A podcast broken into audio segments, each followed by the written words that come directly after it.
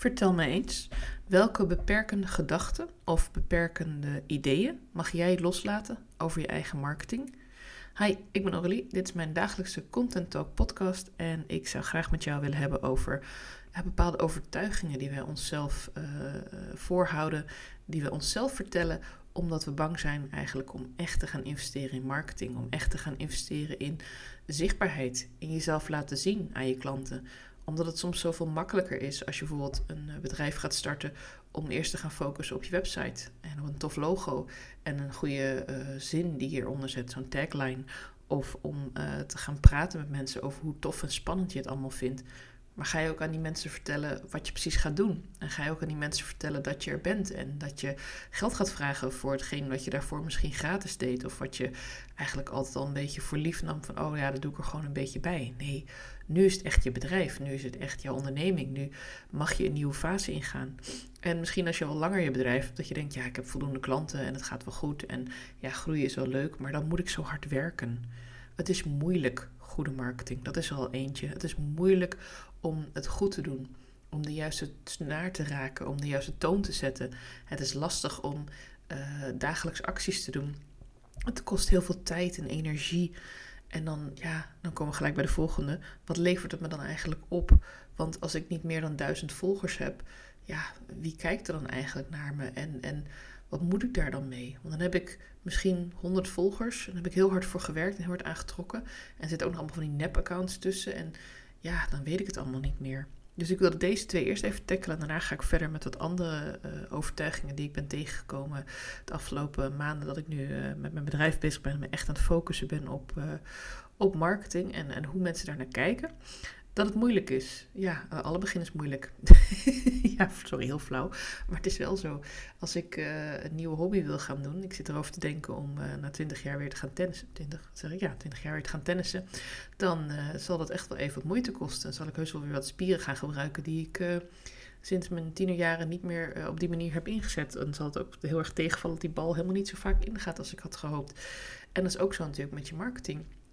Want op het moment dat jij uh, bijvoorbeeld uh, uh, wel eens wat plaatst op LinkedIn of wel eens een fotootje zetten op Instagram, maar nu echt serieus aan de slag gaat, ja, dan ga je ook nadenken over je strategie. Dan ga je ook nadenken over hoe vaak ga ik iets plaatsen en ga ik daar misschien wat templatejes voor maken of ga ik die laten maken door iemand of ja, ga ik een bepaalde stijl, een bepaalde kleur en vind ik dat belangrijk en, en wat voor teksten gebruik ik daarvoor en ga ik die zelf schrijven of nou, je kan het ook aan mij vragen. Ik heb een heel mooi aanbod voor je om jouw teksten voor je te schrijven. Dan is het nog steeds jouw post, maar dan bedenk je waar het over gaat, maar dan schrijf ik het voor je. Dus ook daarmee kun je het moeilijk zijn al tackelen. Je hoeft niet alles zelf te doen. Zeker als je al wat langer bezig bent, heb je waarschijnlijk ook wel de financiële ruimte om wat taken uit te besteden, zodat je het wel kunt doen, dat je wel kunt groeien, maar dat je ook kunt focussen op dingen die je wel tof vindt in je bedrijf. Zoals je klanten helpen. Ja. Um, en levert het alleen iets op als je heel veel volgers hebt? Nee, dat is niet waar. Ik heb uh, net onder de 350, 400 volgers. Ik weet het echt niet eens precies. Kan je nagaan. Ik ben marketeer, ik ben niet elke dag mee bezig. Ik zou echt niet weten hoeveel volgers ik precies op dit moment heb. Um, maar het is voor mij niet het allerbelangrijkste. Wat ik wel heel belangrijk vind, is het aantal klanten dat ik op dit moment heb. Wat ik wel belangrijk vind, is het aantal gesprekken dat ik op dit moment heb lopen met mogelijke klanten of met mensen die ik leuk vind om gesprekken mee te voeren over hun bedrijf, om, van te leren. Uh, mijn business buddy, uh, mijn coach, uh, mensen met wie ik het tof vind om samen in een programma te zitten, wie ik af en toe ervaringen uitwissel. Ik vind het aantal mensen wat in mijn leven, waar ik mee kan kletsen, waarmee ik kan sparren, waarmee ik kan nadenken, waar ik inspiratie van kan halen. En dan heb ik het niet over exact de aantallen, maar dan heb ik het over dat die mensen er zijn. En ik haal mijn klanten daar ook uit. Ik haal mijn klanten uit mijn netwerk. mensen komen naar mij toe omdat ze me leren kennen. En ja, een deel daarvan komt uh, in eerste instantie uit Instagram, omdat mensen me daar kunnen leren kennen. Uh, een deel komt ook omdat ze mijn podcast luisteren. Hartstikke tof. En uh, er komt ook wel eens wat via LinkedIn natuurlijk aan, want daar ben ik ook steeds meer actief. Maar het is niet hetgene waarvoor mensen per se bij mij komen. Ik heb nog niemand gesproken die bij mijn klanten is geworden. Die zegt, nou, je hebt zoveel volgers op Instagram, dat moet wel goed gaan. Nee, ze gaan met mij in gesprek. Ze zien wat ik doe. Ze zien mijn aanbod. Ze horen mij praten. ik geef antwoord op vragen. We hebben een klik. En daarom willen ze klant worden bij mij. Niet omdat ik nou zoveel volgers heb of omdat ik zo vaak post. De reden dat ik vaak post heeft ook niet te maken met dat ik meer volgers wil. Dat natuurlijk, dat mag altijd. En dat is altijd leuk, want daarmee kan je meer mensen laten zien dat je er bent. Maar het is niet een directe confronteer naar, oh, ik heb meer volgers, dus ik heb meer klanten. Zo werkt het helaas niet. Zou echt voor zoveel mensen zo makkelijk zijn. Maar wat je ook moet kijken is de kwaliteit van je volgers. Heb ik de goede connectie gemaakt? Uh, spreek ik ze af en toe in de DM? Hebben we af en toe gesprekjes? Reageren we op elkaar op posts en stories? Uh, reageer ik ook op uh, berichten van mensen die ik volg? Dat zijn de dingen die echt belangrijk zijn.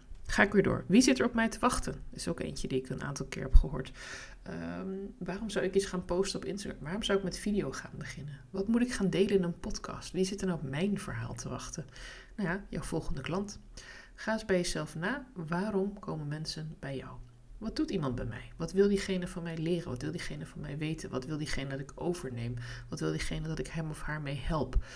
En dat ga je delen in je content. Dat is hetgene wat mensen van jou willen weten. En dat is ook hetgene waarvoor jij je Instagram, je LinkedIn, je podcast, je website, je blog, uh, TikTok, noem het maar op.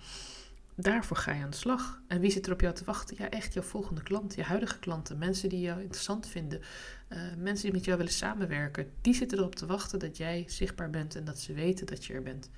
Want je kunt heel erg leuk uh, voor je eigen voordeur gaan staan roepen dat je een heel mooi bedrijf hebt en dat je een therapeut bent en dat je mensen uh, meer rust wil gunnen. Of dat je mensen bepaalde vragen wilt uh, helpen beantwoorden waar ze heel lang verdriet over hebben bijvoorbeeld. Maar ja, dan hoort de buurvrouw je. Maar uh, mensen die je echt nodig hebben, die wonen niet in jouw straat. Tenminste, misschien toevallig eentje, maar waarschijnlijk niet al je klanten. Dus ja, je zal toch een breder uh, platform moeten gaan zoeken daarvoor. En je zal dus ook uit je comfortzone mogen stappen. En ik vind dat af en toe ook een beetje een term dat ik denk, ja, hebben die niet een beetje doodgegooid? Maar het is wel echt zo. Je mag echt even over die drempel heen stappen.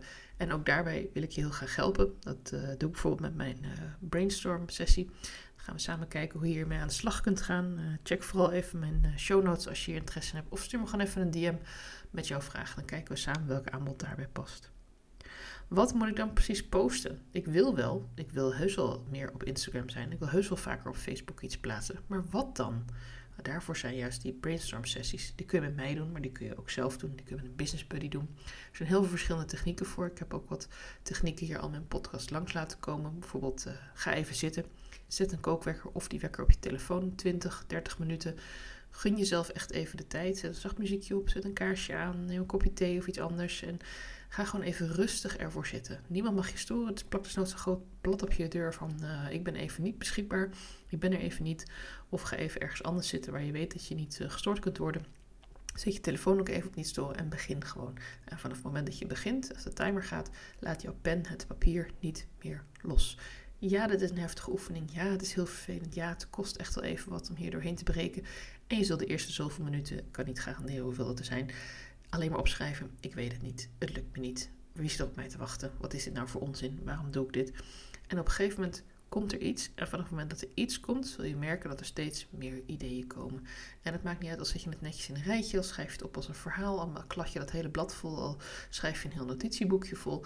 Het gaat erom dat jij je gedachten even allemaal gaat centreren, gaat focussen op die ene gedachte. Wat wil ik vertellen over mijn bedrijf? Wat wil ik vertellen over mijn missie? Wie ben ik? Wat mag ik delen? En als je dat eenmaal, eenmaal hebt, ja, dan komt het vanzelf. Een andere uh, overtuiging die ik denk dat we mogen loslaten en die uh, een aantal startende ondernemers wel eens uh, ventileren is: ik ben er toch. Ik sta hier, ik ben aanwezig, ik, ik, heb mijn missie gekozen, ik weet dat ik heel belangrijk ben. Mijn klanten die komen wel. De mensen die er moeten zijn, die vinden mij wel. Ja, daar neem ik even een pauze voor. Dus, even een heel concreet voorbeeld. Ik ehm, heb een nieuw recept gevonden voor frietjes. Ik heb een heerlijke uh, melange van kruiden die ik er overheen gooi. En mijn buurvrouw, mijn moeder, mijn tante, mijn neef, mijn partner. Echt iedereen vindt het echt uh, fantastisch. Mijn kinderen die blijven ervan eten. Die moet ik echt af en toe gewoon de zak even weghalen. Want jeetje, ze, ze worden steeds honder. Kortom, ik heb een gouden idee. Ik heb de beste frietjes van Nederland. Misschien wel van België. Durf ik nu wel te zeggen, want ze zijn zo lekker. En dan gooi ik er wat Belgische mayonaise op. Heerlijk. Dus ik wil een winkeltje gaan starten. Dus ik woon in Almere, dus ik ga een winkeltje starten. En ik zeg, nou weet je, ik hoef niet zo in het centrum, het is veel te duur. Ik ga gewoon lekker in een van de, van de wijken zitten. Uh, hè, misschien dat ik wel gewoon in de buurt van mijn huis, dan hoef ik ook niet zo ver te rijden. Dus ik heb hier uh, vlak achter op een of ander industrieterrein een mooi pandje gevonden. Daar ga ik mijn frietjes verkopen. En ik sta heerlijk te bakken en ik heb iemand ingehuurd, want ik geloof zo in mijn bedrijf. Deze frietjes zijn zo lekker. die persoon mag niet proeven, want anders dan werkt ze niet meer voor mij. maar ze gaat samen met mij de aardappeltjes snijden, de frietjes bakken, leuke bakjes hebben we geregeld. Helemaal recyclebaar en alles. Nou, hebben we overal over nagedacht. maar ja, waar we niet over hebben nagedacht, is dat we eigenlijk best wel ver uit de loop zitten van mensen die een frietje willen halen. Die zitten meestal, uh, lopen die door de stad, of die komen uit de film, of uh, die gaan op zondag als het voetbal is even ergens een patatje halen, omdat ze weten dat daar een goede snackbar zit. Maar ja, ik zit een beetje hier op het industrieterrein en ik ging er gewoon vanuit van ja, hè, de, mijn frietjes zijn zo lekker. Die ruik je gewoon al door heel Almere, Lelystad, uh, Zeewolde aan toe. Misschien zelfs wel tot in Utrecht, want ze zijn zo goed. Ik heb de beste frietjes van Nederland. Maar ja, ik heb het tegen niemand gezegd. Ik heb geen website gestart. Ik heb niks op Instagram gegooid, niks op een andere social gegooid. Ik heb zelfs niet geflyerd in de buurt. Ik heb het uh, misschien op het schoolplein een keer geroepen dat ik uh, ga beginnen met mijn frietkot, maar ik heb verder niet het adres gedeeld. Kortom, er komt iemand langs die zijn hond aan het uitlaten is, uh, maar die had net gegeten. Dus die denkt, ja, dit ruikt erg lekker, ik ga het onthouden. En vervolgens kreeg hij een telefoontje van een verre vriend die al lang niet had gesproken en is hij mijn frietjes weer volledig vergeten. Kortom, uh, nee, ik ga geen frietkot starten. En ik heb ook werkelijk geen flauw idee wat hele goede frietkruiden zijn. Die echt heel lekker maken. Smaken verschillen toch ook. Um, wat ik eigenlijk bedoelde met dit hele korte voorbeeldje, een beetje gek verhaal, is dat we echt wel onszelf mogen laten zien. Dat je echt wel er mag zijn. Dat de klanten niet zomaar komen. Er zijn heel veel mensen die een frietkot starten. Er zijn heel veel mensen die een snackbar hebben. Er zijn heel veel winkels. Ik geloof dat je ze zelfs bij de HEMA kan halen, als ik me niet heel goed vergis. Uh, Nee, niet bij de HEMA, sorry. Uh, nou goed, tegenover de HEMA hier in Almere stad zit er eentje. Maar bij de HEMA kan je wel uh, broodje rookworst en dat soort onzin natuurlijk halen. Uh, ijsjes, dat soort dingen. Dat is misschien een beter voorbeeld geweest. IJsjes kun je bij heel veel winkels vaak halen. Frietjes, ja, er zijn snackbars, er zijn restaurants waar je frietjes kunt eten. Je kunt het volgens mij zelfs bij de Chinees bestellen, dan heet het kindermenu. Um, weet je, als je iets wil doen wat echt anders is, dan zul je mensen dat ook moeten laten zien. Dan zul je het ook moeten bewijzen dat je anders bent en dat je uniek bent. En dat doe je door jezelf uh, te laten zien, door te laten zien dat je er bent. En niet door allemaal gekke stunts uh, per se, dat mag. Weet je, je kan hartstikke leuke lanceringen opzetten. Maar blijf vooral dicht bij jezelf. Laat zien wie je bent. Uh, laat zien dat je er bent en blijf herhalen. Want uh, zoals ik net het voorbeeld al aangaf, op het moment dat die meneer langsgelopen is en denkt, oh het ruikt hier heel lekker, ik ga een keer een frietje halen. En er gebeurt iets wat zijn aandacht opeist, dan is hij ook weer verdwenen. Dan is die gedachte weer weg. En dat gebeurt ook bij jouw doelgroep. Ook al vinden ze je nog zo tof en nog zo lief en nog zo, uh, heb je nog zo'n mooi aanbod. En oh jee, het is maar drie dagen geldig en daarna gaan de deuren dicht of daarna gaat de prijs omhoog. Of wat je dan ook voor mooie incentive hebt bedacht op het moment dat jij dat niet meerdere malen bij mensen in hun mailbox, uh, in hun uh, Instagram feed, uh, Facebook feed, waar je ze dan ook maar vindt, blijft herhalen, ja, dan zullen die klanten niet uit zichzelf naar je toe komen hupsen. Misschien als je echt op een gegeven moment heel groot bent en een beetje richting Oprah Winfrey gaat, dat mensen echt gaan googlen op jouw naam, omdat ze echt denken van ja, wat heeft die nou? Ja, oh, dus heeft iets nieuws. Ja, ik moet daarbij zijn. maar de doelgroep die ik um, voornamelijk, mijn excuses voor het hoest, de doelgroep die ik voornamelijk denk aan te spreken, die is nog niet op die, uh, op die hoge hoogte uh, geëindigd. En uh, natuurlijk kunnen we er allemaal komen. Dat is absoluut een ambitie die, die je echt wel mag vasthouden. Maar in de tussentijd ga lekker met marketing aan de slag. Wil je een keer blijven met mij kletsen over wat er bij jou zou passen en of ik je misschien ergens mee kan helpen? Bijvoorbeeld met het schrijven van jouw posts op basis van jouw input. Uh, een keertje samen brainstormen. Misschien kan ik wat teksten voor je herschrijven. Dat vind ik ook hartstikke leuk. Ik heb verschillende eh, vormen van aanbod waarmee ik jou kan helpen. Eenmalig of uh, voor langere termijn. Uh, langere samenwerking.